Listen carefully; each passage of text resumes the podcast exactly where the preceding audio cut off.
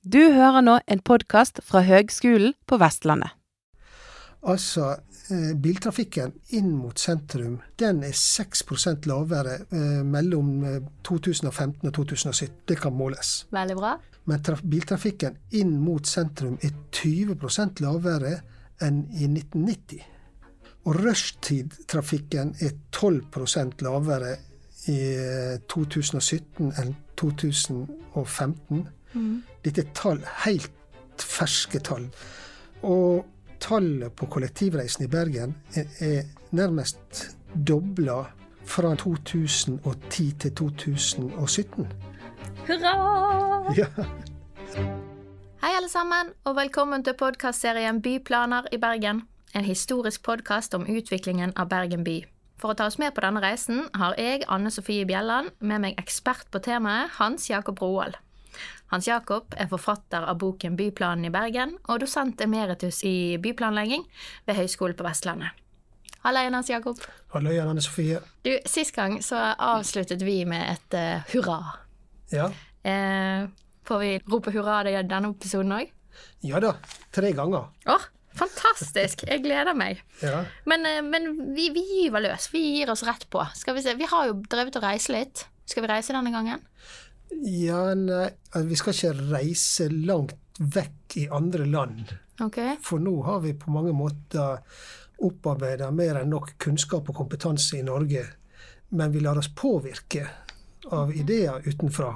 Absolutt. Men vi behøver ikke å foreta noen sånne reiser som vi gjorde tidligere til Tyskland og til England og, og sånt. Men vi må tilbake i tid hele veien. Ok, Så tidsreiser. Men Ja. det, det er innafor, det. Det liker vi. Hvor reiser vi da? Altså, Hvor langt tilbake må vi? Vi får begynne der. Jeg har lyst på en måte, istedenfor å bare reise tilbake, så har jeg tenkt å fokusere på to tema. Altså at eh, det vi har snakka om tidligere, det er på en måte at eh, akkurat med, med planlegging og for, store samfunnsmessige forandringer, så, de, så går det ei tid før ideene som viser seg å være holdbare, eller rett og slett bærekraftige, det er et begrep vi skal snakke om denne gangen her òg, det tar ofte en, en 20 år før på en måte det kommer til utfoldelse. Og to sånne ideer eller fenomen tenkte vi skulle begynne med i, i dag. Okay. Og det ene er det nyliberale skiftet. Og det andre er bærekraftig utvikling. For begge de to vil på en måte prege eh, tida fra år 2000 og fremover. Og det er grunnen der vi snakker nå, da. Ja, det er jo det. Nå, nå går vi inn i notids... Uh... Vi går inn i samtida. samtiden, heter det. Ja, ja. Absolutt. Men skal vi begynne med det første, da? Nyliberalistiske skiftet. Ja. Nyliberale. Jeg har i grunnen lyst til å si litt Du nevnte dette med rolle sist. Ja. Og grunnen til at vi sa hurra sånn, det var at jeg var litt oppstemt. Fordi at jeg snakka om en epoke hvor jeg sjøl var aktør. Ja. Og det var veldig viktig for meg å si. For jeg jobba i eh, Bergen kommune i den perioden, altså på eh, slutten Altså på 1980- og 1990-tallet. Og derfor så snakka jeg, som du sikkert hørte, med litt større innlevelse enn hva jeg har gjort med de andre episodene. Men samtidig så var det viktig for meg å si det at kildegrunnlaget mitt holdt det fast ved hele tida. Altså det var formannskapsprotokollene. Ja. Eh, og det er litt tilbake i tid. Mm. Men nå blir det litt annerledes, for nå blir det bakgrunn for samtida si uh, utvikling. Og dermed så får ikke vi den tilsvarende historiske distansen vi har hatt hele tida. Nå er ikke så mye aktør som sist. Nei, for hvor har du vært de siste Ja, det blir jo 20 årene. 20 år, ja. Nei, jeg har vært forskjellige plasser. Ja. Jeg har, vært, jeg har jobba for, eh, for UNESCO noen år. Ok. Spennende. og eh, gjort en analyse om forholdet, jobba med analyse om forholdet mellom eh, eh, Brundtland-kommisjonen og Kommisjonen for eh, verdens eh, natur- og kulturbevaring. Oi, oi, oi. Dette er jo rett inn i bærekraftstematikken vår. Ja da, visst Ja. er det det. Og det andre, så, og etterpå det, så jobba jeg en stund for, for Oslo kommune. Ok. Lage en strategi der for, for ja, byutvikling og bevaring. Mm. Og etterpå det så var jeg noen år i Fjell kommune, og eh, så hadde jeg en liten gjesteopptreden i Bergen kommune før jeg havna på høyskolen som underviser. Ja, ok, Men da har du, du har vært aktør litt, da, og så har du gått over til å bli Når du begynte på høyskolen, da er du jo ja, ja, du er jo litt aktør enda, på en måte. Men jeg vet ikke hva skal vi kalle, hva skal vi kalle oss på høyskolen. Nei, nå driver vi og eh, analyserer og eh, Ja, vi driver forskning, egentlig. Ja, det er jo det. Det er det vi holder på med. Og, og vi driver med samfunnsforskning, slik at det er mye av de innspill, tankene som deler nå, det, det er jo også eh, influert av samtalene med kollegaene mine, med seminar som vi har, og med, med studentoppgave, spesielt av masteroppgave. Ja, ja. Men så lovte vi jo, jeg håper si på tampen forrige episode, så lovte vi jo at vi skulle jo også i denne episoden klare å holde oss saklig. Ja, Så, så vi får eh, eh, Jeg håper jeg tror du, du er bedre skikket til å holde deg saklig enn jeg. Så, så, men vi får samarbeide om saken. ja, ja. Men ja, tilbake igjen til, eh, til temaet. ja. Ja, Altså, det, det nyliberale skiftet, det er jo på en måte en form for markedstilpasning Ja, som har skjedd, og som skjer hele veien. Okay. og, så- og som er veldig omdiskutert.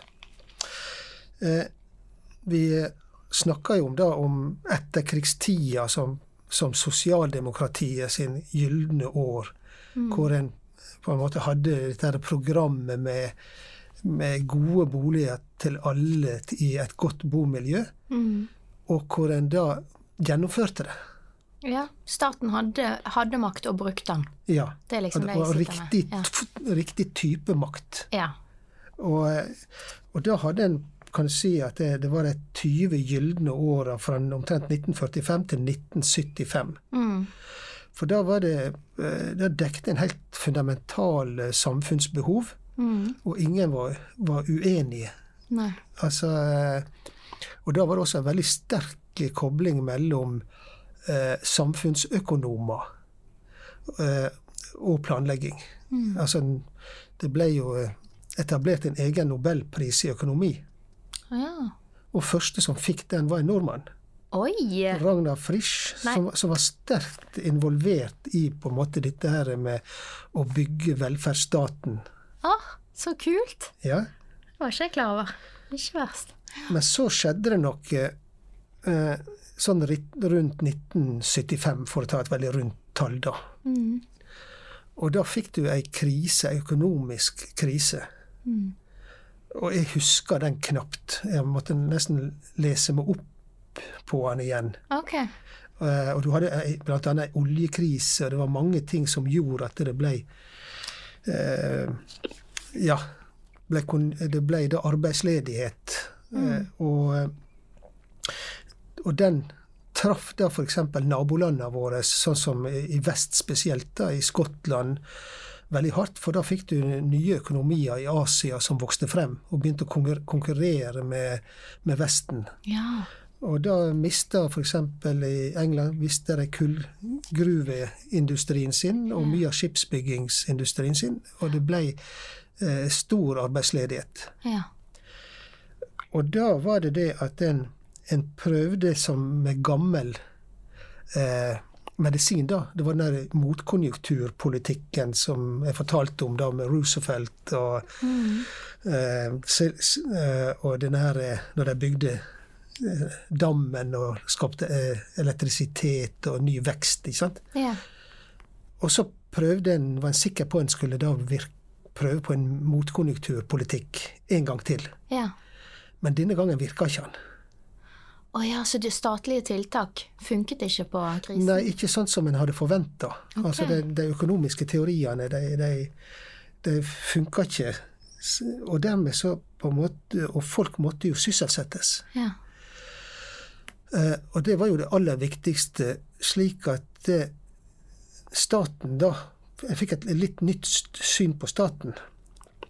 Fordi at det, noen begynte å se på staten som en hindring for vekst, istedenfor at staten som en forutsetning for, en vek Ja. for vekst. Så denne etterkrigstidens glansstat slo litt sprekker? Da begynte han å slå eh, eh, sprekker, og da ble det på en måte spesielt i, i England, da. Da hadde jo Margaret Thatcher sine gylne år, da. Ja. Skulle, da var det det private næringsliv sin eh, tenkemåte som skulle overføres til det offentlige. Ja. Og det offentlige fikk en ny rolle, skulle legge til rette for det private næringslivet. Ja. Og det var en kraftig eh, skille i syn på det offentlige sin oppgave. Men den ble ikke så veldig merkbar eh, hos oss i Norge fordi at eh, vi var blitt en oljenasjon. Ja, ja, ja. Så vi tok Vi fikk en, en walkover. Ja, vi pleier jo det Ja, her i Norge. ja da. Så igjen. vi fortsatte på mange måter som, som tidligere, da. Ja. Men så kom det da en, en ny krise som vi var så vidt innom forrige gang. Ja, Og det var det der med byfornyelsen, ikke sant. ja, ja. ja. At det der eh, eh, Der ble det også da eh, plutselig av forskjellige grunner så ble det da eh, en veldig sånn økning i rentene. Mm. Og det ble En bygde for mye eh, hus. Det var ikke marked for det, så mar markedet ble sprengt. Og så eh, Da kom det da på en måte Så måtte en bøte på det. Mm. Og da ble det, som en følge av det, så ble det da et, eh, et frislipp på, i bolig- og finansmarkedet. Altså jeg fikk rett og slett en finansindustri. Ja. Et finansmarked. At finans på en måte løsrev seg sjøl fra resten av samfunnet og ble på en måte en butikk i seg sjøl. Jeg skjønner. Og dette var et resultat av at man egentlig hadde mistet litt tilliten til denne statlige styringen eh, som man hadde hatt. da. Ja da, når staten ikke funka sånn som en hadde forventa, så på en måte skulte en mot, Ja. mot markedet. Hva måte gjør en det der? Ja. Og da var det sånne gjennomføringsorgan som Institutt for byfornying og Bergen Tomteselskap. De begynte å vakle. Altså Institutt for byfornying ble avvikla, og Bergen Tomteselskap gikk litt på, på overtid. da. Jeg skjønner. Og den aller siste krisa, eh, det var jo den i 2008-2009. Ja, ja, Og den husker vi. den husker jeg til og med. Ja. ja. Og det som skjedde da, var jo det at eh, Nesten i sånn panikk for å få hjula i gang igjen, som reduserte en renta til null. Altså så å si lavest mulig rente, slik at det skulle bli billig for folk å ta opp lån. Og dermed så, når du har null prosent, eller veldig lav rente, så mister også da staten mulighet for rentesubsidiering. Ja. Ja, for det var ikke noe å skru ned på. Det var ikke noe å skru ned på. Og dermed så også forsvant da f.eks. Husbanken sin mulighet Mm. for å um, gå inn og bruke ja, rente som da stimulerer rente og subsidierer rente, noe det på en måte de hadde helt til å begynne med. Ja, ja, Så det er sånn gradvis eh, og bevegelse over mot markedstenking og markedsstyring. ja. Men det kanskje det aller viktigste for oss da, var jo det at eh, i 2008 så fikk du da en ny plan- og bygningslov. Ja, ok. Ja, Fortell. Hva innebar den, da?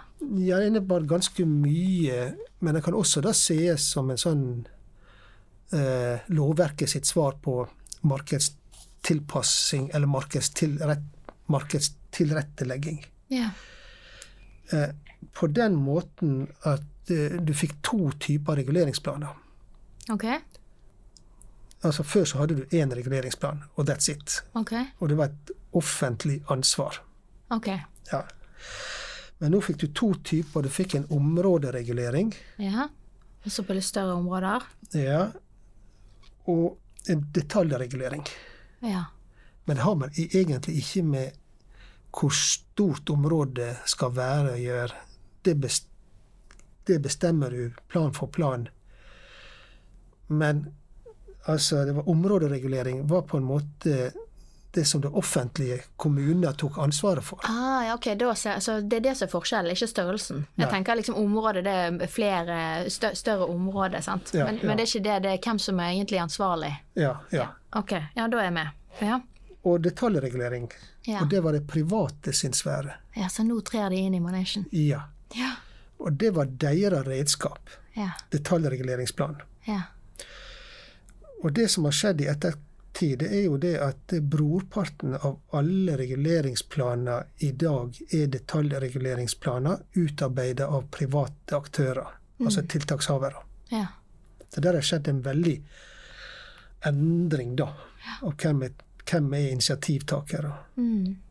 Den Men er da- vesentlig, altså. Da er det viktig for det offentlige på en måte å legge rammebetingelsene, forutsigbare rammebetingelser for de private, slik at når de setter i gang, så vet de mest sannsynlig hva de har å holde seg til. Ja. Og da er du på kommuneplanen? Da er vi blant annet på kommuneplanen. Men det som de også gjorde i denne eh, revisjonen av 2008, de laga De mekka mange nye planformer. Altså du fikk Kommunene skulle lage en kommunal planstrategi Mhm. som var lovpålagt og skulle ut på høring.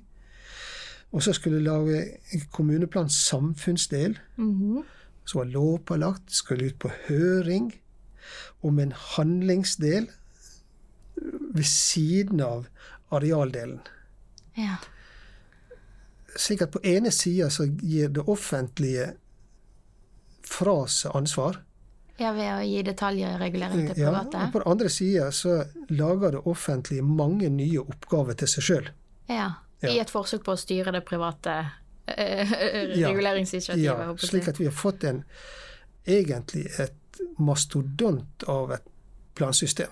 Ja. som er veldig eh, ressurskrevende. Og vi har fått en kjempestor konsulentbransje som både skal betjene det offentlige med å lage alle sine planformer, og de private tiltakshaverne eh, som eh, skal lage sine planer, da. Ja, ja, ja.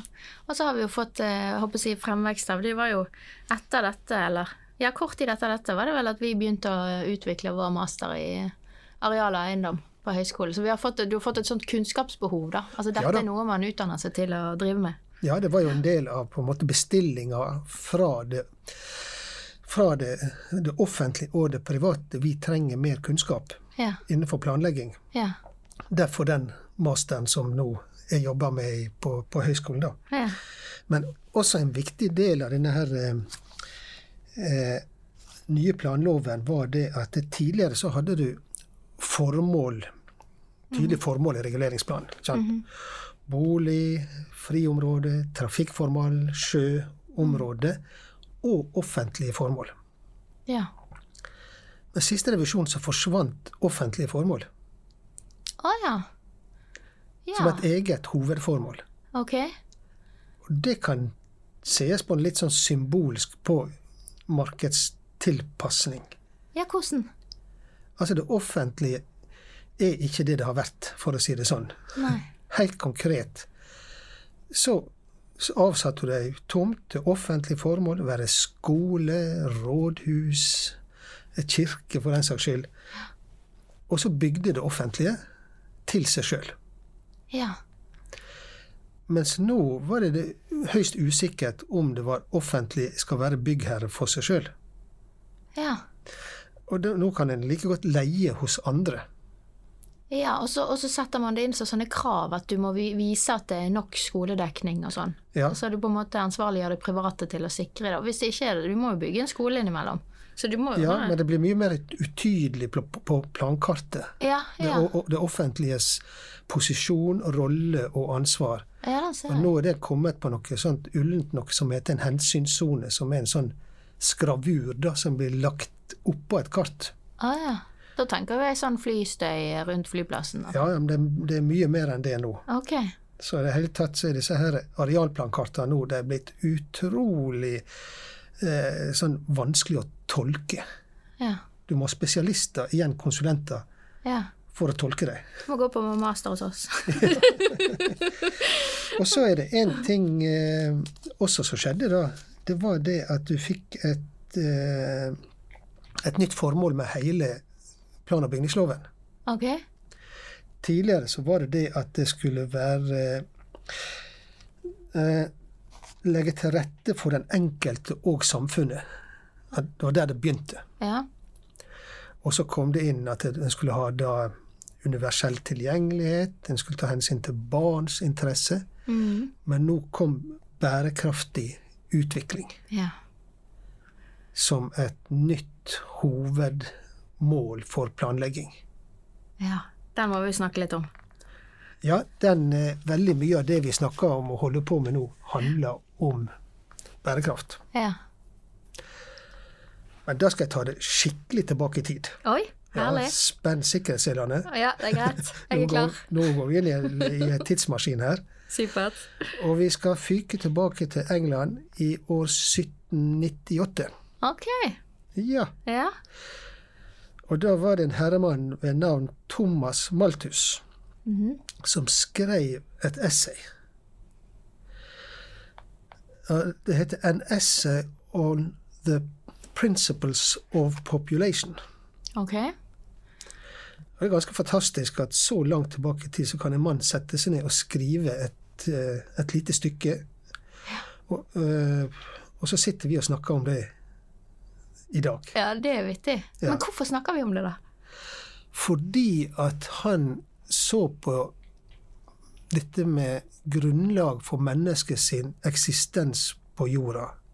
Og da snakker ikke vi om sånn skapelsesberetning og sånt, men da snakker vi om rett og slett tilgang på mat. Ah, ja. Hvor mye mat kan et areal, et land, produsere i forhold til hvor mange mennesker det er plass til der, som kan overleve der? Ja. Altså, så det var en humanist på den måten at eh, han stilte spørsmålstegn ved hvor mange bør vi være, Ja. eller kan vi være, for, å- for å unngå hunger og sult. ja. Og da analyserte han forskjellige land, altså ut ifra naturlige forutsetninger. Og da var det ett land han pekte på i, som han kjente til, som hadde spesielt dårlige forutsetninger fra naturens side for å brødfø ei befolkning. Ok. Hvem var det? Norge. Så bra. Ja, det, det er jo helt utrolig å tenke på. Ja. at eh, Norge var da det landet som hadde lengst vintre, Ja.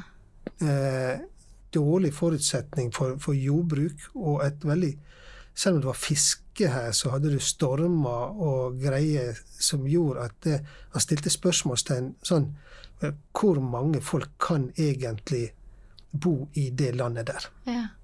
Så det var første er- gang. eh, ja, ja. Men det er vittig, da, for i dag så er jo det på en måte et av de beste stedene å, å bo i, i de ratingene som fins. Ja, ja. Sant, Det er det. Ja. Men så hopper vi eh, frem til 1972. Mhm. Og da var det eh, et prestisjeuniversitet i USA, nærmere bestemt Boston, MIT, Mhm. Hvor det var noen forskere som skrev om akkurat det samme. Okay. 'Limits of growth'. Ja. Altså Og da var det etter industrialismen, ikke sant? Og de begynte da å analysere eh, industrien sin eh, påvirkning på naturen og miljø.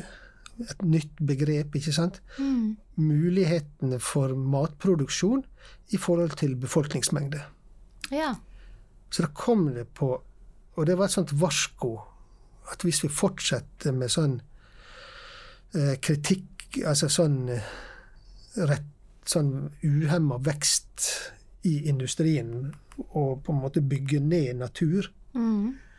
og for den saks skyld matjord, Mm. så vil det, gå, så vil det slå tilbake på sjøl. Ja. Det, det, det var en sånn varskorapport. ja. Så den kom på i 72, ja. 72, ja. Og så kommer den som alle snakker om. Ja. i 1987.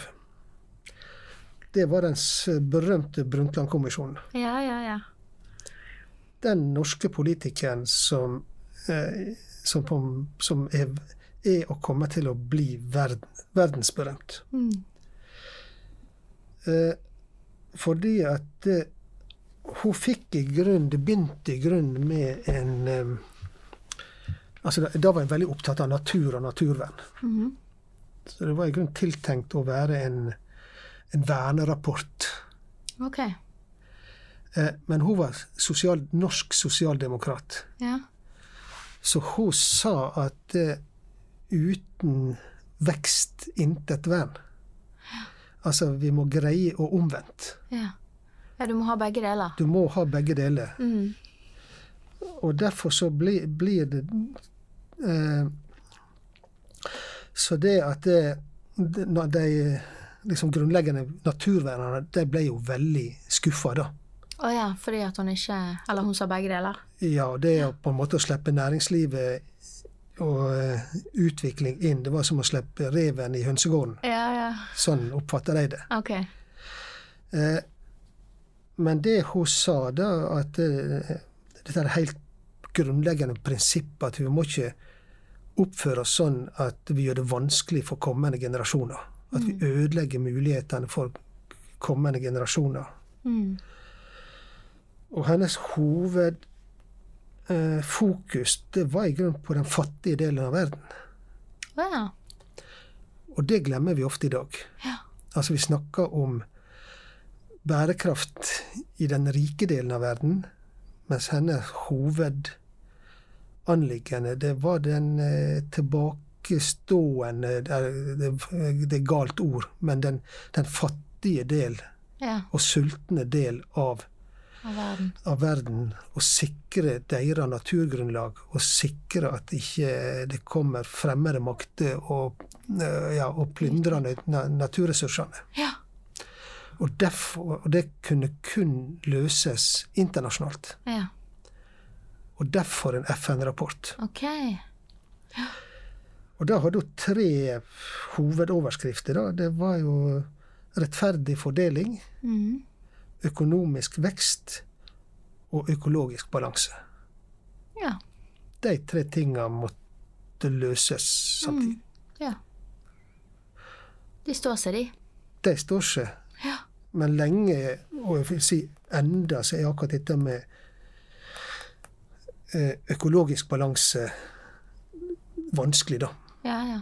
Også vitenskapelig kan ligge i det. Ja, det Det, det, det diskuterer vi fremdeles. mm. Men etter det da så skjedde jo ting slag i slag. Mhm. Eh, vi fikk en eh, På 90-tallet så hadde vi da den kjente Rio-konferansen. Mhm. som da tok opp eh, Brundtland-kommisjonen. Og på en måte, For den var jo laga av statsledere, ikke sant. Mm. Og nå var det alle de frivillige organisasjonene som mobiliserte. Ok. Og da var fordi, Og da ble det en bottom up-strategi. Altså en kan ikke få til grunnleggende forandringer uten å ha med folket. Nei. og uten å ha med de frivillige organisasjonene. Og uten at folk vil det. Nei. Sånn.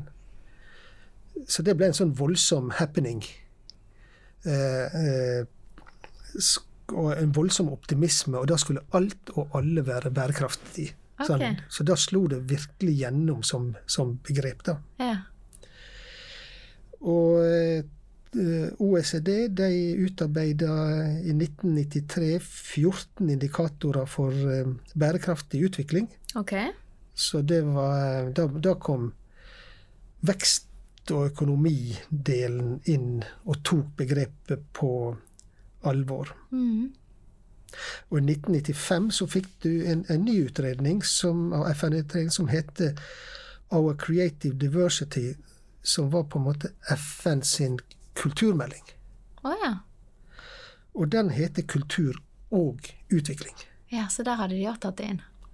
Det hele tida så var det et fagtema og utvikling. Ja, ja. Ja. Og der kom byene sin posisjon. For den var det første som FN-rapporten som sa veldig tydelig at etter år 2000, der vi er nå, så vil flertall av jordens befolkning for første gang leve i byer. Ja. Så Men så var det da en um, forsker ja. mm -hmm. som heter Susan Owens, som var da professor i Cambridge. Ok. Hun var geograf. Og hun var den første som begynte å forske på bærekraft. En av de første som begynte å forske på hva ligger i begrepet. Ja. Og det hun sa, det at det vi har holdt på med til vanlig Altså det planlegging handler om, det er jo å skape interesse, balanse mellom ulike, interesser. Ja. Mellom vekst og vern, mellom natur og mellom by og land og you name it. Hele tida så skal du danne balanse mellom ulike interesser og ressurser og alt mye sånt. Ja. Og da sa hun at hvis det er det bærekraft skal handle om, så er ikke det noe nytt. Da kommer bærekraft bare til å bli en sånn flopp, en sånn, et motebegrep, Mm. men veldig ufarlig begrep. Og det vil på en måte bare gå ut på dato av seg sjøl. Ja, Ja, jeg skjønner. Men eh, bærekraft er jo på en måte eh, den situasjonen der planleggingen gjøres riktig, da. Ja, Sant? At man har oppnådd den balansen mellom de ulike hensynene. Og så blir jo det avgjørende hvilke hensyn man faktisk har definert at Ja. man vil ta hensyn til. Som for eksempel nå, sant? klima seiler inn som på en måte nesten førstepris, sant. ja. Men nå forgriper du meg litt. Ja, gjør jeg. Sorry, Ja, jeg ble nei, Nei nei det er helt greit. Fordi at det, det første du sa der, det er vel Susan Owens som nikka til og så sagt Ok. akkurat. Ja. Det er ikke noe nytt i det du sier der. Nei. Men så sier du det at det må være noe veldig viktig. Noe nytt. Noe som er viktigere enn noe annet, og som vi ikke kan forhandle om sånn fra dag til dag. Noe vi må hegge knaggen på som gjør bærekraftig til et virkelig noe krevende. Ja. Som blir sånn før og etter. Mhm. Og da var, mens hun skrev dette her, så var, var bærekraft på vei til å bli ufarliggjort. Men så fikk du akkurat det du nevnte med klima. Mm. Og da var det rett og slett en som heter James Hansen. Eller Hansen, kanskje de uttalte på i, Kanskje det. Han var, var ikke nordmann, altså. Det er, kanskje, men jeg vet ikke. Han heter i hvert fall James, da. Ja. Som fikk foretrede eh, for senatet i USA i 1989. Ja. Og han kunne da fortelle at det er en sammenheng mellom klimaendringer For det første da, at det foregikk store klima, endringer i klimaet. Mm. Det var noe som jeg på den tida ikke var oppmerksom på. Nei. Og videre at det var en direkte sammenheng mellom CO2-utslipp og, eh, og disse klimaendringene. Så det var i 1989. Da tok man det inn i Ja, og da begynte en å snakke om det sånn Akkurat som før, ikke sant, så snakka om at OK, eh, røyking er ikke så farlig. Ikke sant? mm. Du kan få Så var det noen som sa at jo, da kan, du kan få lungekreft av røyking. Ja. Og til og med helsedirektøren, Ingolf Mork, han var en ivrig sånn eh, stolt, Han var en han kjederøyker. ja. Han hadde en egen kampanje mot det, mot sin egen minister. Fordi han motarbeidet, for han trodde ikke på det. Nei, Han tilbakeviste det. ja. Men dette er vi, nå i dag så er jo dette her med klimaendringene Det er jo Vi ser det, og vi opplever det. ja. Eh, og eh, vi må forholde oss til det. Mm. Og samtidig så er det da eh, en brei anerkjennelse om at, eh, at CO2-utslipp er viktig å få under kontroll og redusere. Mm. Det er det internasjonal enighet om. Mm. Så jeg vil påstå det på en måte at det er akkurat klimasaken og den som redder bærekraftsatsinga. Ja, sånn, ja. Ja. Ja. ja. Og gjorde spissa henne og gjorde, henne krevende. ja. Men skal vi bevege oss nå? Har du tatt oss med på reise til Vi dro nå litt utenlands, og vi dro Ja. tilbake i tid. Ja. Eh, men eh, i Norge, da? ja, i Norge vi var jo litt sånn forplikta til å gjøre noe, da, siden vi hadde jo eh, Gro, Ja. Gro i farta. Gro i farta. ja. Ja. Og derfor fikk vi da et eget miljøverndepartement. ja, når da? 1972. Ikke verst. Nei. Ja. Og i 1988 så fikk vi en egen stortingsmelding knytta til bærekraft. Mhm. Og den heter Stortingsmelding om miljø og utvikling. Selvfølgelig. Ja, ja. Og den hadde som hovedoverskrift full sysselsetting og et godt miljø. Herlig. Ambisiøst og fint. Ja da. Men da sa jo da eh, I den stortingsmeldinga så sto jo da det med det at Norge skulle være et foregangsland. Internasjonalt foregangsland. Mm. Og eh, for å være litt ærlig, så tror ikke det var så lurt. Altså det at ethvert land Norge har litt sånn Nå er det litt subjektiv. Ok. Ja. Litt, litt sånn usaklighet, kan vi tillate oss. At hvis vi skal gjøre noe sånn spesielt og løfte oss litt etter håret, så må vi peke på at vi skal være et foregangsland for andre. Ja. Og vi har aldri liksom tatt helt innover oss hvor små vi er, Nei. og hvor perifert vi ligger geografisk. Ja, ja. Men vi durer på, ja. eh, i, i beste mening, da. Ja, ja. Men i 1992 så fikk vi da eh, bærekraft inn i Grunnloven. Oi. Og i 19, samme år så fikk vi da rikspolitiske retningslinjer for samordna areal- og transportplanlegging. Aha. Og i 2015 så fleska FN skikkelig til med 17 bærekraftsmål. Ja. Og det er jo de vi nå står og, og prøver å tolke ned i, i konteksten. Ja, ja. Ja. Så jeg kan si at det, historia om bærekraft, det er jo ei gigantisk suksesshistorie. Mm. Altså når du får FNs forsamling til å vedta hele 17 bærekraftsmål. Mm. Så det, det, det, det er jo kjempemessig. Ja visst er det det. Ja. Absolutt. Men eh, hva med Bergen, da? ja, du vil helt tilbake til Bergen, du. Ja, klart Ja. det. Det er vi, det er jo der vi bor. ja, ja, ja. Ja, nei, jeg har tenkt på, på et sånt um, Et sånt område som uh, beskriver denne her Begge de to tingene som vi snakker om nå. Dette liberale skiftet og bærekraft. Mens begge deler var ganske nye fenomen som danna på en måte en slags en overgangsperiode, vil jeg kalle det. Ok. Eh, Men før en ting jeg håper å glemme å si, da, det var dette her med at Bergen var jo da tidlig ute. Ok. Ja.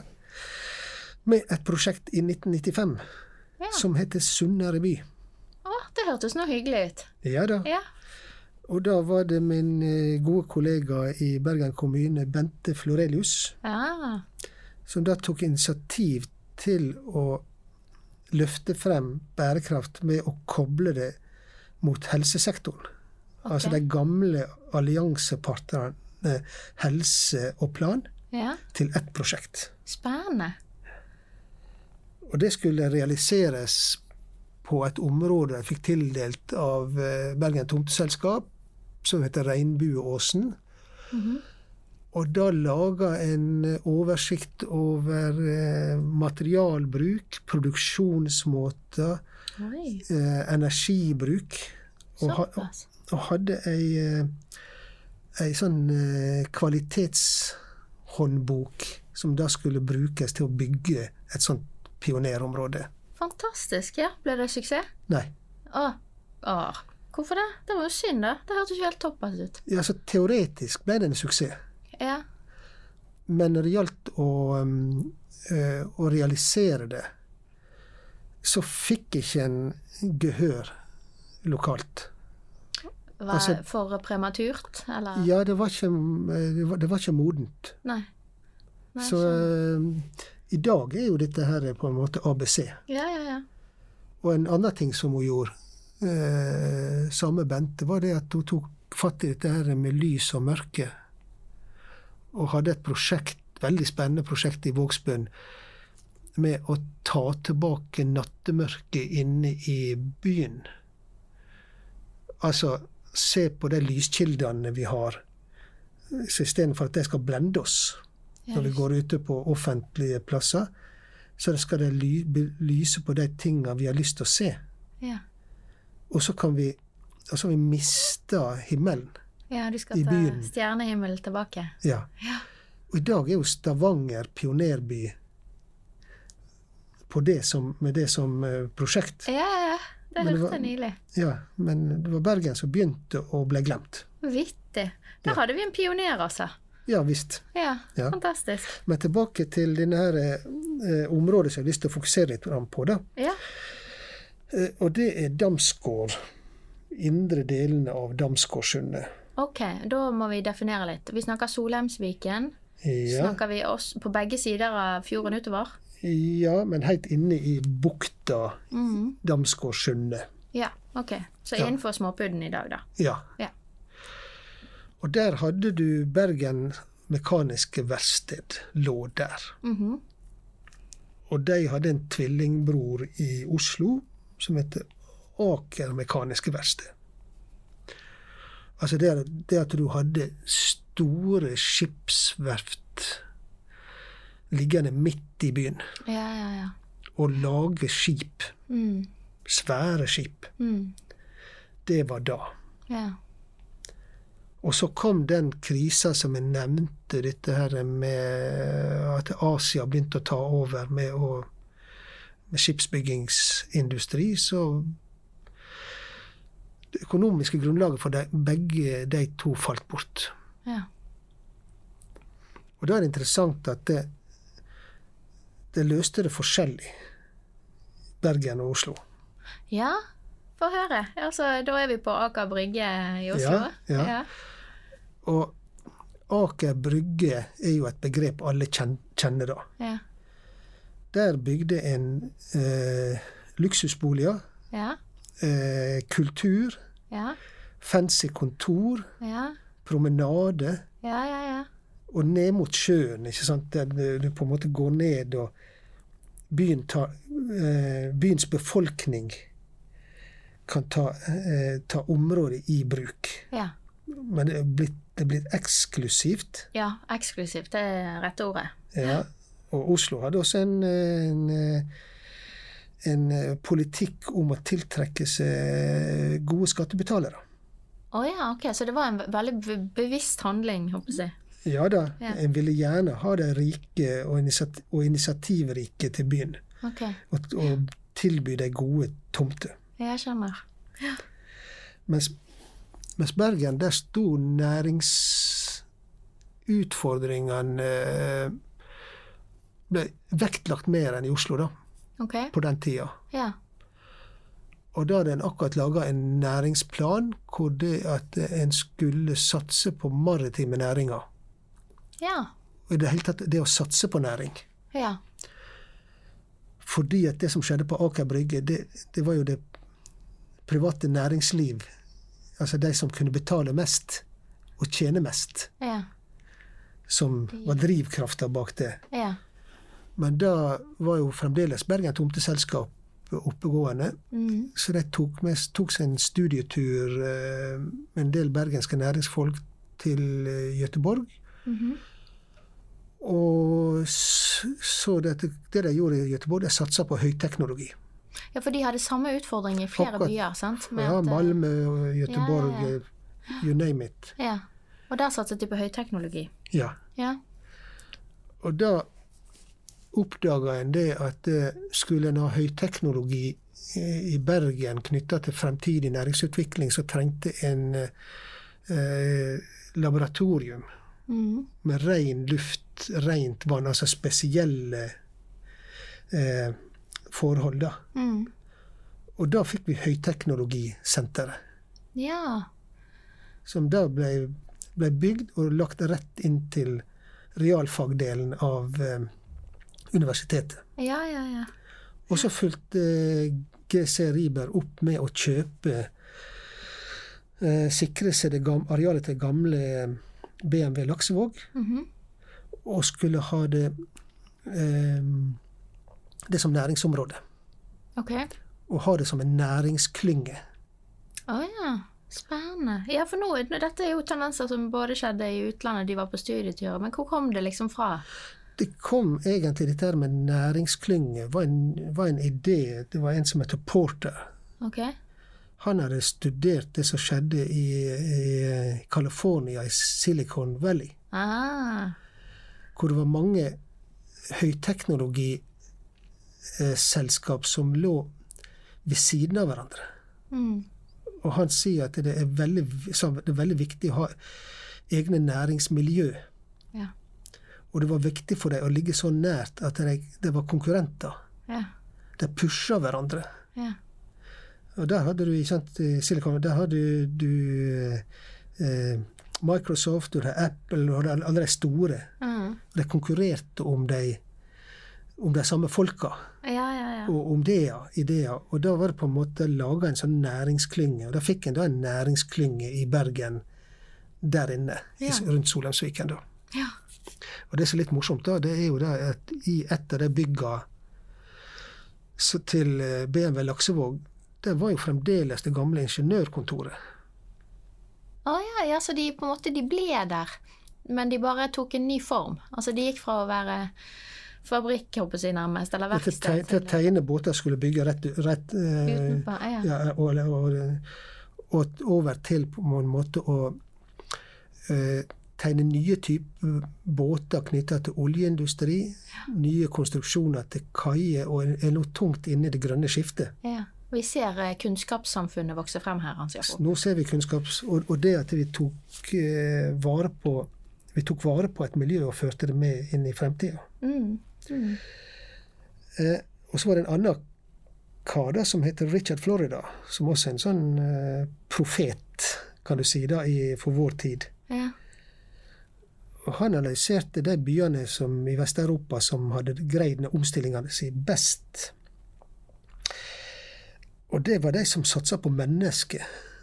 Altså det smarte. Mm. Den kreative klassen, kalte han det. Mm. Og det er den som er den nye råvarene. Ja. Og da gjaldt det å igjen trekke til seg disse. ja. Kampen om hodene. Ja. Og, da, og det hadde jo, det var der jeg snakka med sånn entusiasme forrige gang om, om fornyelsen av sentrum, og gjøre sentrum attraktivt. Og det gjorde jo en ikke for å trekke, til seg de, eh, de gode hod, hode, eh, de skarpe hodene, men det har vist seg i ettertid. Ja. Altså en, på en måte en var, en var rett og slett forut s- i sin tid, Bergen, det er på en måte å lage et uh, hypt bymiljø. Ja. Ja. For det var det, det, det, var det eh, Richard Florida anbefalte, da. Ja, ja, ja. Da var vi jo heldige med den. Da var vi heldige med den, ja. Klaps på skulderen til Bergen. ja. Veldig bra. Ja. Men ja, fortell mer om Danskersundet, da. Ja, Lengre ute i s- eh, så gikk eh, utviklinga seg sjøl. Private investorer kjøpte opp areal som var uegnet til næringsliv. Mhm. For da um, Og begynte å, eh, å designe moderne eh, sjørelaterte eh, boliger. Mhm. Men så tok Bergen kommune grep da, mens denne utviklinga var godt i gang, Mhm. Og laga en kommunedelplan for hele området. Mhm. Altså vil si at da tok de med seg også området opp mot, mot Løvstakken. Mhm. Og det var jo et område med store levekårsutfordringer. Ja. Og da vil jeg prøve, kommuner se de områdene i sammenheng, og se er, hva kan vi gjøre for å få eh, et områdeløft som på en måte som eh, både den nedre delen der rundt Vågen, og de der oppe kunne profitere på. Mm.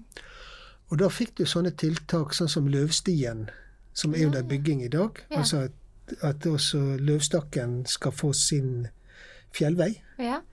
Og Småpudden, Ja.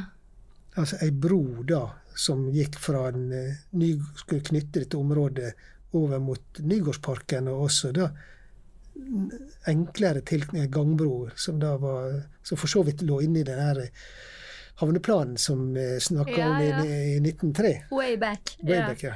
Artig. Så den eh, Det fikk en til, da. Ja. Fantastisk. Men det en sleit med, det var jo dette levekårsområdet. Ja. Hvordan? Altså liksom- der, eh, der hadde jo en tidligere Husbanken med store økonomiske midler til disposisjon for akkurat sånne utfordringer. Mm. Og en hadde et, et lovverk. Eh, Men nå et kraftig lovverk. Mulighet for å ha sånn fornyelsesvedtak. Men nå er Ja, det borte. Ja, det var jo tatt vekk, ja. Så Bergen kommune søkte da departementet La masse arbeid i å søke departementet om store midler, Mm. og fikk avslag. Fikk avslag. Og så søkte en EU EU-midler og fikk avslag. Okay. Men så bare satt den i gang. Ja, ja. Det er jo Ber Bergens ånd, det. Ja da. Ganske mange ganger nå vi har snakket om at man får avslag og bare gir gass likevel. Ja. Men så bra. Ja, hvordan, hva gjorde de? Ja, da hadde du på en måte et punkttiltak der rundt eh, eh, Ny-Kronborg skole der oppe, som ble på en måte et, både et, en skole og et kulturhus. Et ungdomshus. Altså for å fange opp eh, masse tiltak i området. Også, dette området var jo da blitt et område med mye, med mye innvandring. Mm. Så det ble et, et, et, det, det i seg sjøl er blitt en, en kjempesuksess. Mm. Sånn. Men hvis vi ser i ettertid på ble det- Dette var en prosess som gikk fra 2007 til 2017, og den har blitt evaluert i ettertid. Ja. Og hvis vi da ser på hvor er det det har vært reguleringsplaner i området, ja. så er de rundt uh, Ny-Kronborg-senteret -hmm. og langs sjøfronten. Mhm. Og nesten ingen reguleringsplaner inne i inne i dette levekårsområdet. Hva forteller det oss, da? Det forteller oss at eh, det ikke har skjedd så store investeringer at det utløser Og en forandringer. At det har utløst eh, altså vesentlige tyngre planprosesser. Nei. Noe man ønsket. og Man ønsket jo en slags utvikling i hele området. Ja, det er litt utydelig.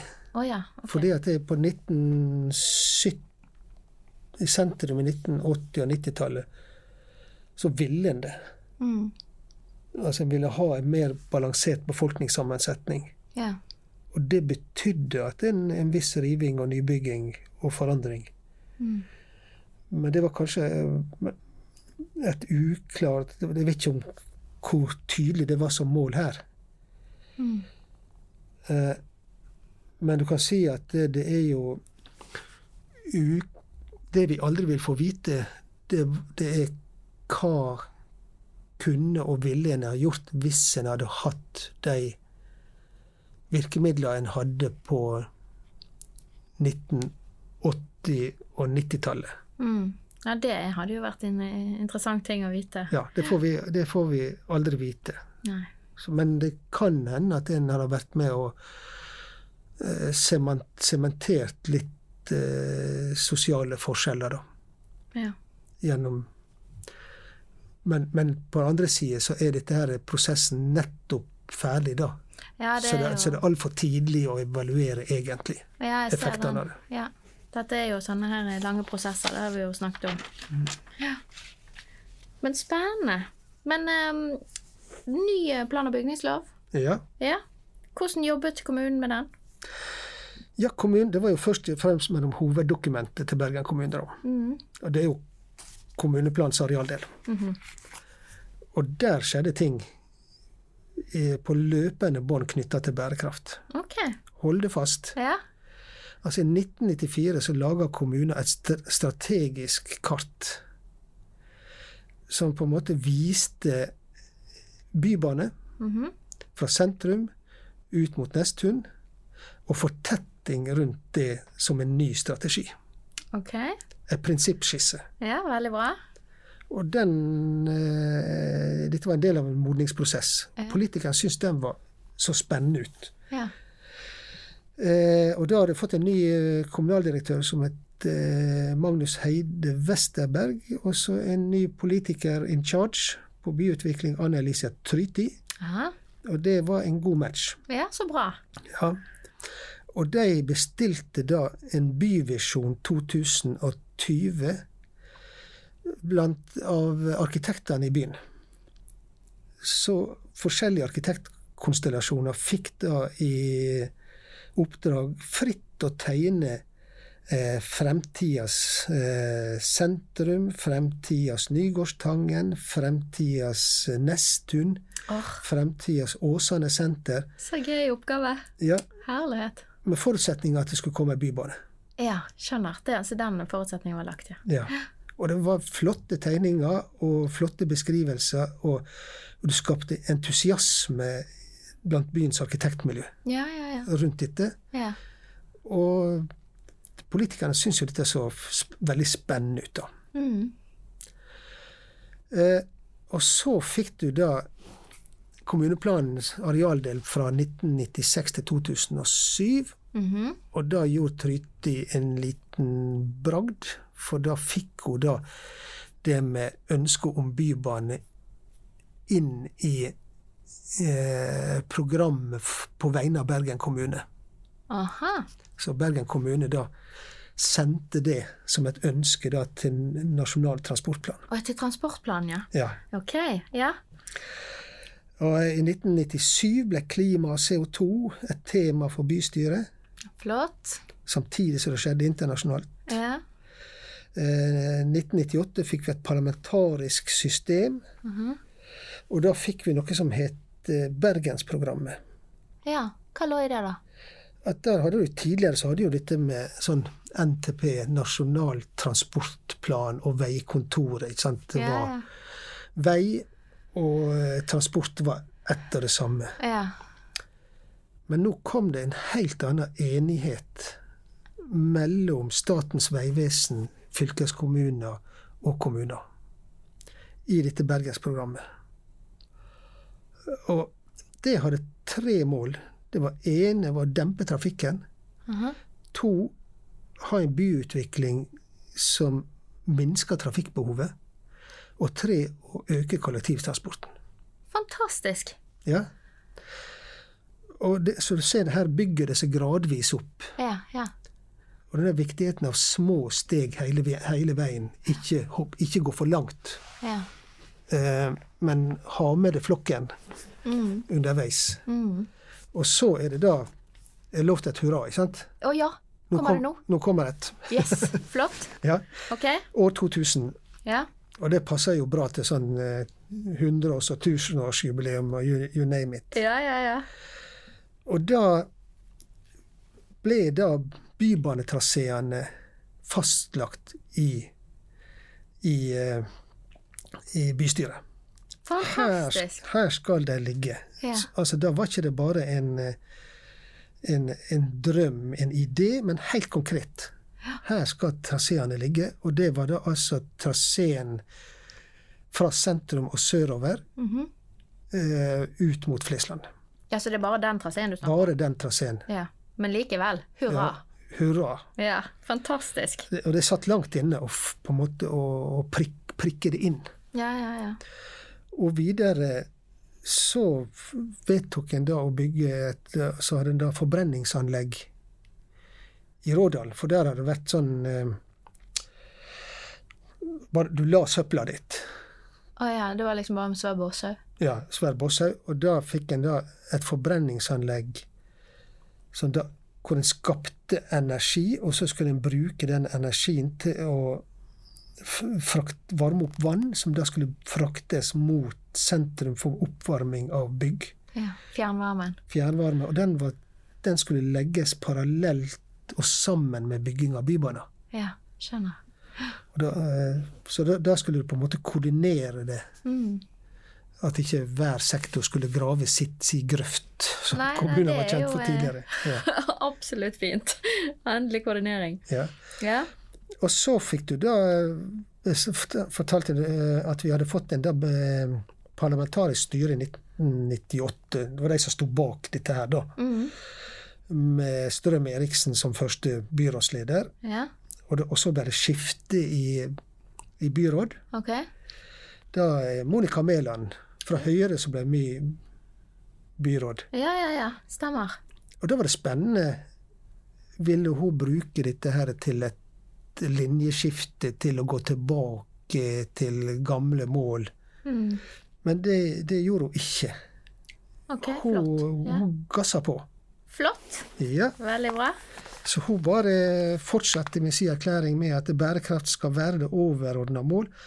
Og hun eh, eh, fastsatte da bybaner skal bygges, Mm. og nå skal 60% av all nybygging være fortetting. Og det skal lages en båndby. Den passer jo som hånd i hanske for Bergensdalen, ikke sant? Ja, ja, ja. Med hele 37 eh, tettsted Oi. langs denne båndbyen, Ja. som perler på en snor. Ja. Eh, og nå kommer det eh, Er du klar? Ja. Nytt hurra. Ja, jeg er klar. 2010. Bybanen. Første trasé offisielt åpnet. Hurra! Det er jo helt fantastisk. Sonja kom til byen. Ja, vet du hva. Ja. Det, jeg kan ikke huske Bergen før Bybanen. jeg. Nei vel. Det er jo helt fantastisk. Ja. Men ja, dette, dette likte jeg. Men hvor går vi herfra? ja jeg må si at det, Vi kan jo gå til den eh, Altså, det var jo fantastisk, for da kan du se langs etter Bergensdalen. Du kan se heisekranene. Ja. langs Ja, ja. ja, altså, Og den skolen vi eh, jobber på, da, Mm. høyskolen, er et resultat av denne prosessen her. Dette her er en av perlene på snora. Ja, ja, ja visst. Og du må jo ha endevendt eh, si, markedspriser og alt mulig når dette her endelig falt på plass. Ja da, jeg husker, er jeg husker det at i, i Oslo så hadde du lenge sånn at meglerne de reklamerte med nærhet til Akerselva. Mm. Mens i Bergen er det nærhet, det ble det nærhet til Bybanen. Ja. som og, og sånn som høyskolen, så var det veldig mange alternative lokaliseringer som var diskutert. Hvor skal den ligge? Men det var jo nærheten til Bybanen som ble, ble utslagsgivende, da. ja. For nå, nå tar jo det så kjapt å komme inn til sentrum herfra, eller Så det, det er en ny by som vokser frem, da. En, en, en båndby. Mm. Og det, det er jo bygd det ene Nesttun, eksempel, er jo i ferd med å bli forandra. Og, Mm. og helt ut til, til Flesland, da. Og du, lagunen Mm. er der transformasjon. Ja. Så det skjer en helt ny type eh, bybygging, da. Ja. Hm. Men eh, ja, kommuneplaner. Skal vi hive oss på eh, KPA 2018? Eller er Ja, vi nå, det? ja, Det var altså vel nå tenker jeg vi må gå inn for landing. Ja, vi må det. Ja. Det er derfor jeg, det er derfor jeg spør. Jeg må, men jeg må jo også si det at det, dette der eh, Det er jo ganske tøffe ting da, som skjer. ja. her, når både stat, fylkeskommune og kommune sier her skal det være et bybanestopp, her skal det her skal bybanen komme, så går en brutalt inn, Mm. regulerer Mm. Og banker på dører til folk som bor der og sier at OK, sorry, men vi, vi må ha eiendommen din, vi må ha huset ditt. Mm. Så det er ganske mange hjem og hus som er blitt eh, kjøpt opp eller ekspropriert. Mm. Eller bare forringet litt, siden de får en på en måte, hvis de får en helt kloss i hagen, liksom. Ja. Ja. Og rundt da, så har jo du da folk som kjøper opp tomter og går, igjen går og banker på døra. Ja, går har du planer om å selge, eller Ja. Så det er, det er sterke ting som skjer. ja, det er det. Selv om, det, det liksom, selv om hurra, så har det jo en pris. Det har sin pris for enkelte. Absolutt. Ja. Mm. Men som sagt, må, vi, nå må vi gå inn på landing. Ja, vi må det, Hans Jakob. Du Ja. har helt rett. Takk for at du hjelper meg. Ja, og da har jeg lyst til å avslutte med to temaer. Det ene er en gjeldende kommuneplan, Ok, 2018. yes. Det var den, ja. KPI-en. Jepp. Og det andre er noe som heter Miljøløftet. Mhm. Og de henger sammen. Ok. Eh, Jeg nevnte det at denne utviklinga av kommuneplanens arealdel gikk sånn steg for steg fremover. Mhm. Nå gjorde han et ved, ved kommuneplanen i eh, 2018 så gjorde han et skikkelig byks. Eh, og den er så, det bykset er så kraftig at jeg kan bare fortelle om det. Ok. Eh, og det, det, det er så nytt at jeg eh, føler at det blir, det, blir for, det blir feil her og nå å sitte og mene noe om det. Ja, ok. Ja, hvis du følger med. Ja, ja, ja. Vi skulle jo holde oss saklige og på en måte Ja. vi, vi driver jo med historiefortelling. Ja, men nå, nå er det sånn samtidshendelser. Ja, ja. Ja. Men da skulle en da laga Bergen kommune noe som heter et strategisk temakart. Ok. Så det var en sånn skisse for hva måte byen skulle utvikle seg på. Mhm. Og da ville en jo helst at det skulle bli sånn, da. Og derfor så påkaller en seg et hellig tall, tallet syv. Ok, det- ja, det er jo sånn eventyrtall. Ja. Uh, og hvor- ja, Og da har jo byen gjennom de syv, mellom de syv fjell. selvfølgelig. Ikke sant, Selvfølgelig sånn. ble det syv. Ja. Og, og Roma, ikke sant, så var byen også med, med de syv høyder, ikke sant. Ja, Så her inne i eh, Her trengte en litt sånn eh, hjelp fra makter da, der ute. Og da den eh, stra strategiske kartet det holdt, inneholdt da syv byutviklingsområder, Mhm. syv næringsområder, syv bydelssentre og syv tilknytningspunkt mot nabokommunene. Dette syns jeg er litt vittig, altså. Ja, Tenk hvis de trengte åtte, da. ja da, var ikke det, da, da ville ikke det vært Nei, da måtte de bare Én må ut, ferdig med, passer ikke til systemet.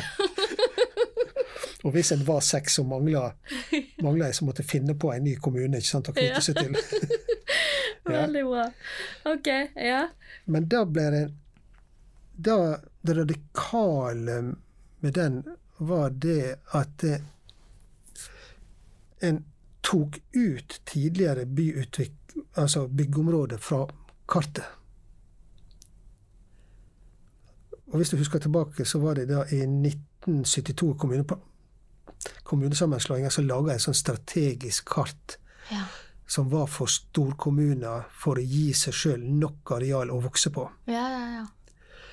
Eh, og det var ikke fullbyrda. Så en hadde ikke bygd ut alle de områdene en sa en hadde tenkt å bygge ut, Nei. og nå sa en stopp. Oi, så folk hadde gjerne begynt regulering og planlegging og Ja, flere av, disse, flere av disse områdene lå allerede inne i den gjeldende juridisk bindende kommuneplanen, mm, og så ble de tatt ut av planen. Ja. Og med da tilbakevirkende kraft, eller liksom Ja, ja. Og det er en dramatisk ting å gjøre. Veldig. Og da Vi skrev da en, en uttalelse til den planen fra høyskolen. Ja, ok. Der man kommer Ja, sånn høringsuttalelse. Høringsuttalelse. Ja. Og, og vi sa ikke at det er rett eller det er galt, men vi sa vær forsiktig med det. ja.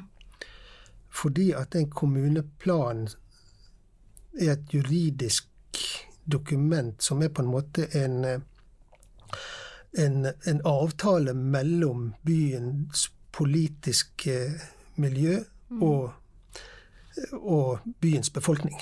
Mm. Altså du må stole på det, Mm. og du må på en måte ha tillit til det. Mm.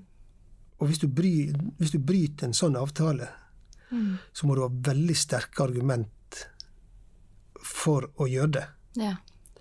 Og det, det som, jeg, som jeg sa, jeg sier ikke at det var rett eller galt, men jeg skal være veldig forsiktig med det. For det som skjer da,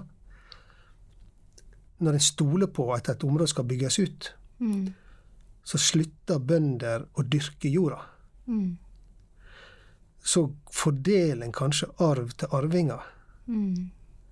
og på visse premiss. Ja, ja, ja. Og en selger det til en, eh, til en utbygger som føler seg trygg på at dette skal bli noe av. Mm. Og så plutselig så blir ikke noe av. Det må jo ha vært eiendomspriser som bare stupte på enkelte områder. Ja, klart det. Så, um, så det var en veldig radikal ting. Ja. Og det var andre radikale ting også med den planen. Det var det Altså, den skulle jo da reindyrke kompaktbyen. Mm. Du skulle ha gåbyen Mm. med ti minutters gåavstand til disse her knutepunktene. Mm. Det var jo noe vi kjente fra disse her s- 37 eh, Ja. småbyene, ikke sant? Men Ja, nå ble det på en måte mer presist, da. Okay. Og så skulle du ha høy utnyttelse rundt kollektivknutepunkt, Ja. og så lavere utnyttelse jo lenger du kom ut fra dem, Mm. men sikre veldig god tilkomst, da. Gangforbindelser dit. Ja, skjønner. Ja. Så da fikk du tre hovedformål i planen. Mhm.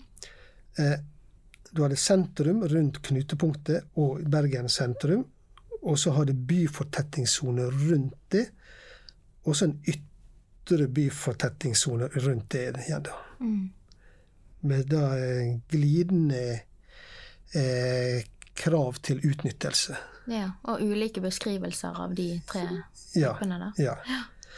Men så noe en også gjorde, var det at en, en oppheva høydebestemmelser. Ja.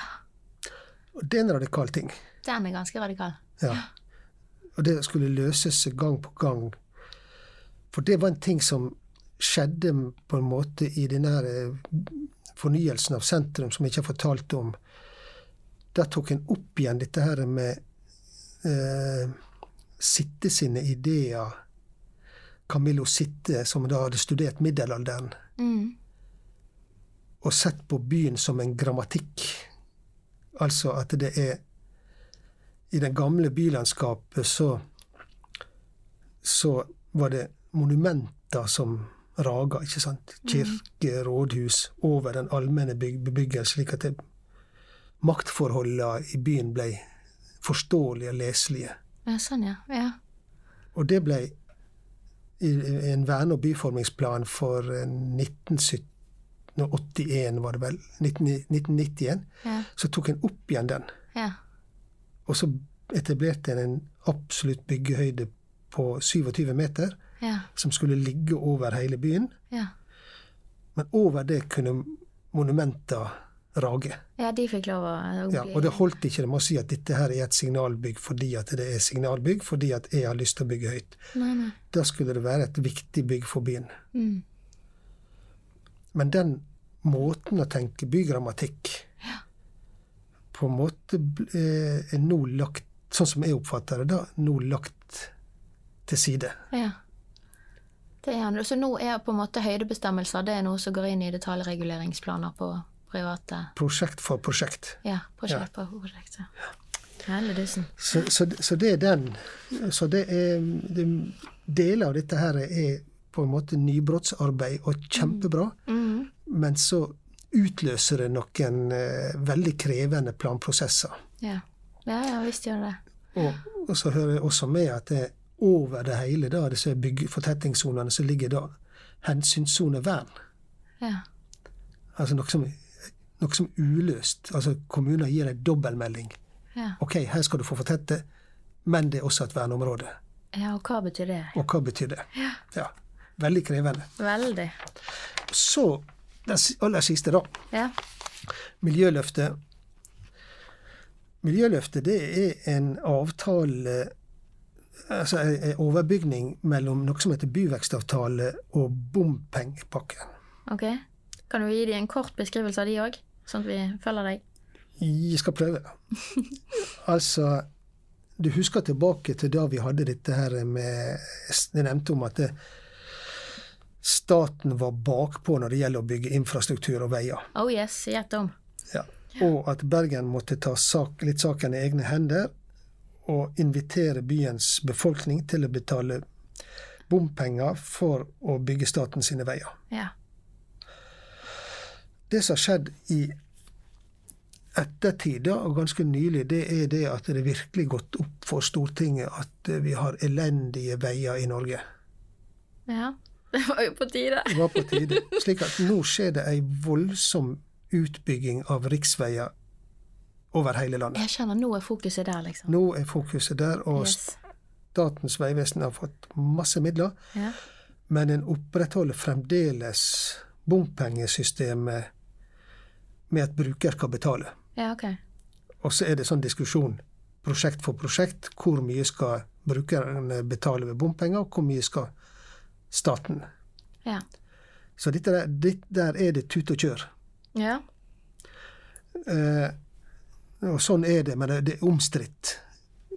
Er dette tida for å bygge motorvei eller ikke? ja, det er jo ikke helt i tiden. Vi skal jo liksom på bane og andre ting, holdt på å si. Men, Ja. eh, ja. Men jeg, jeg bare sier det, det er omstridt. Jeg skal ikke Ja. gå dypere inn i det. Nei. Men når jeg nå skal bygge byen, Mm.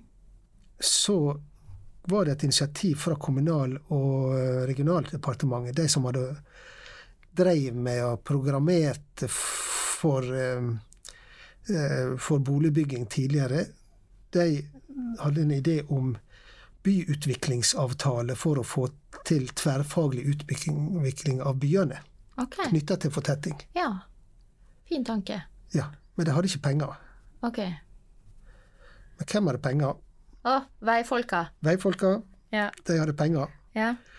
Så de eh, snappa hele ideen og gjorde det til en byvekstavtale. og- putta penger i det. Ja, så, så byvekstavtale, det er egentlig en sånn der kamuflert eh, veirigg. Ja, partene ja. er, er, er transportsektoren. ja, skjønner. Og de har da laga en på en måte kommet med en, eh, en pakke, da. Alt skal være pakka for tida. Mm. Og byvekstavtalen den går jo da ut på statens bidrag. Og da har den første sånn Og det er da en, en avtale mellom staten, fylkeskommuner og kommuner. Mm. For det er så viktig å si at det er fylkeskommuner de har ansvaret for kollektivtransporten. Ja. Ja, ja, ja. Mens kommuner har ansvar for arealplanlegginga. ja. Så det, Bergen kommune var første kom- bykommune i landet som inngikk en sånn byvekstavtale. Mm. Og den var mellom 2017 og 2023. Okay. Og da var statens bidrag på, for hele den perioden da eh, på hele 6,2 milliarder. Å, helledussen. Masse, masse penger. Ja. Og omtrent halvparten av det skulle gå til bybane. Oi. Så staten er tungt inne i finansieringa av bybaner i Bergen. Ja, ja. Bra. Endelig. Ja. Og eh, den er nylig eh, revidert. Jeg vet ikke om den er vedtatt da ennå. Mm. Men den er nå kommet opp i tre, statens bidrag er eh, igjen fordobla til 13,3 milliarder. Oi. Helledussen. Så, og, og nabokommunene er med, da. Ja, ok, de er også blitt Ja. eh, Flott. Slik at det, disse går jo helt konkret til bygging av bybaner, til å bygge nytt uh, sykkelveinett, og til å, uh, til å drifte kollektivsystemet, uh, da. Altså subsidiere kollektivtransporten. Ja, ja for det, det var jo jeg, eh, fikk deg jo inn på byvekstavtale og bompengepakke, men det var jo Miljøløftet. Så på en måte Der var det jo noen mål som ble satt, var ikke det? Eller noen løfter. Ja da, det gjør det. Så det, det. Men dette her er på en måte knytta til infrastrukturen. Mm. Men så er det opp til opp til eh, markedet, da, å investere i det som skal bygges. Mm. Men eh, Men det gledelige er det jo da nå er, Hvor mange hurra har vi hatt? Har du oversikt? Eh, vi har i hvert fall hatt to. Ja, da kan vi ta en. Nå kommer den tredje. Ja, flott. Ja. Flott. Jeg liker det. ja. Altså Det er jo da med disse her når staten går, og for den saks skyld kommuner og fylkeskommuner, går inn med så masse midler til noe som heter et miljøløft, Ja. så er det da eh, Kan en se effekt av det. ja, det er jo litt interessant. Det er helt vesentlig. Det er helt Ja. avgjørende. Kan en det, da? Det kan en. Altså, eh, biltrafikken inn mot sentrum, den er 6 lavere eh, mellom eh, 2015 og 2017. Så det kan, det kan måles. Veldig bra. Ja. Men traf biltrafikken inn mot sentrum er 20% lavere enn i 1990. Eh, Det er jo også bra. Det, det er kjempebra. Ja, Altså, det, er, det er sånn som en ville ha det. Ja. Og rushtidtrafikken er 12% lavere i eh, 2017 enn 2015. Mm. Dette er tall, helt ferske tall. Det er, så, det, er så, det, er så, det er som å holde et nystekt brød i, i, i armene her nå. Ja, ja, ja. Helt ferske tall. Ja. Og det mest oppsiktsvekkende, da, ja. det er jo at tallet på kollektivreisende i Bergen er, er nærmest dobla fra 2010 til 2017. Hurra! Ja, Der har du Bybanen sin. ja og, og tilsvarende eh, så har vi da måling av luft, eh, kvalitet på lufta. Ja. Det viser rekordlave målinger i 2017. Fantastisk. Dette her ble det mange hurra, du. Dette Ja, her eh, likte jeg. Ja, slik at det når på en måte vi gikk tilbake og satt dette her eh, helt tilbake til den første kommuneplans arealdel som hadde dette her eh, eh, I 1998 som hadde da eh, Det du hadde med mål om eh, å dempe eh, trafikk, byutvikling som gir mindre transportbehov, og øke kollektivandelen. Altså i 1998 så hadde Ja. det som eh, som program, da. Mm. Så tok det ikke av skikkelig før du fikk bybane og bybaneeffekten Mm. og alle disse tiltakene sett i sammenheng. Så det tar tid, men den utviklinga jeg ser nå, den er, den er dramatisk bra. Ja. Altså, den er veldig tydelig. Fantastisk. Og det, det er også et signal til jeg leser jo av og til i aviser om folk som eh, unnskyld uttrykket, griner og sier at alt er så dårlig, og alt det er så mye luftforurensning, og ingen tenker på bedre bymiljø og alt mulig. Mm. Så er det seige, lange prosesser som gir fort Som gir resultat etter lang tids planlegging, Mm. lang tids omfattende politisk arbeid, ikke minst. Mm. Og da så er det politikerne som til syvende og sist er de som har vedtatt og ville dette her, som skal ha, som skal ha eh, hederen, da. Mm. Absolutt. Men, men hva med det bygdemiljøet da, Hans Jakob? Blir det godt nok? Blir eh, bomiljøene gode langs bybanetraseen? Veldig vanskelig å svare på, fordi at det er i prosess nå. Mm. Og eh, skal jeg svare på det, så da blir det sånn i overkant subjektiv, tror jeg. Ja, jeg skjønner. Vi har studenter som jobber med det eh, i masteroppgave, da. Mm. I, på akkurat å um, teste ut kvalitet på utomhusområdet, teste ut hvem er det som bor der, hvem, hvem er det som får, får slippe inn, og hvem er det som blir holdt utenom. Mm. Eh, så det er en eh, rekke faktorer da, Mm. som nå, som nå er i spill. Ja. Og um, så um, ja, kan, bare- Hvis du drar på Slettebakken eksempel, og ser på det, syns jeg er veldig, veldig bra, da, for å si det sånn. Ok. Og så er det andre områder eh, som er litt mer um, eh, Jeg vil ikke si skeptisk til, da, men jeg vil si at det er litt avventende. Mm. F.eks. i Mindemyren rett ved siden av, Mm. hvor utnyttelsen kan vise seg å bli eh, kanskje vel høy, da. Ja. Men det skal ikke være sånn eh, bombastisk.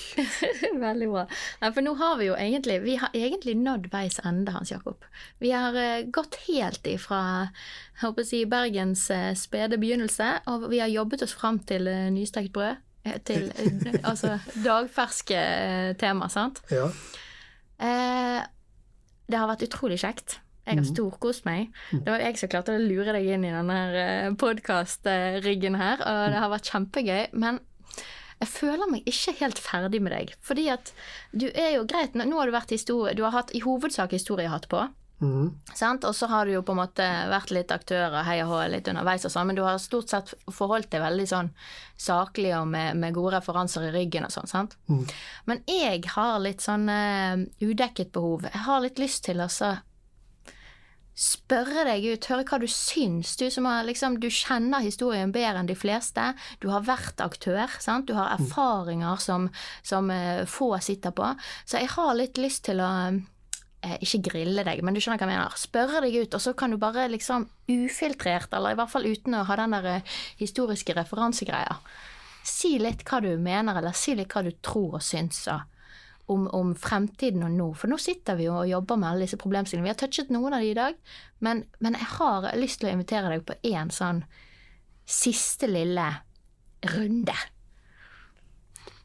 En bonus. En bonus. Ja. Hva sier du? Da må jeg eh, Jeg kan ikke, når du spør så pent på denne måten der Du var jo innom kontoret mitt flere ganger sånn og lokker meg. Ja. bli med, bli med, vær så snill. Sånn, sånn. Før, før vi kom i gang med dette her. Ja. Så eh, jeg kan jo ikke la være å si uh, annet enn ja, da, men jeg tenk, trenger en virkelig sånn tenkepause for å tenke om hva er det vi egentlig skal snakke om. Ja, men vi kan ta en, det, det blir litt oppsummering, sant? Det blir litt historiske linjer i det òg, Ja, for det, det er det jo i dette temaet. Sant? Og så litt, eh, litt sånn dagsaktuelle saker, kanskje. Ja. Jeg går i tenkeboksen, og så håper jeg ikke kommer ut av den som en sånn gammel suring som skal sitte og si nå, hør nå her, det og det og det og det er feil. For hvis jeg gjør det, da må du virkelig stramme meg opp. Ja, jeg lover. Ja. Men du, da, da satser jeg på en bonusepisode, Hans Jakob. Ok, fint det. Supert. Tusen takk for nå. Ok, ha det godt. Ha det.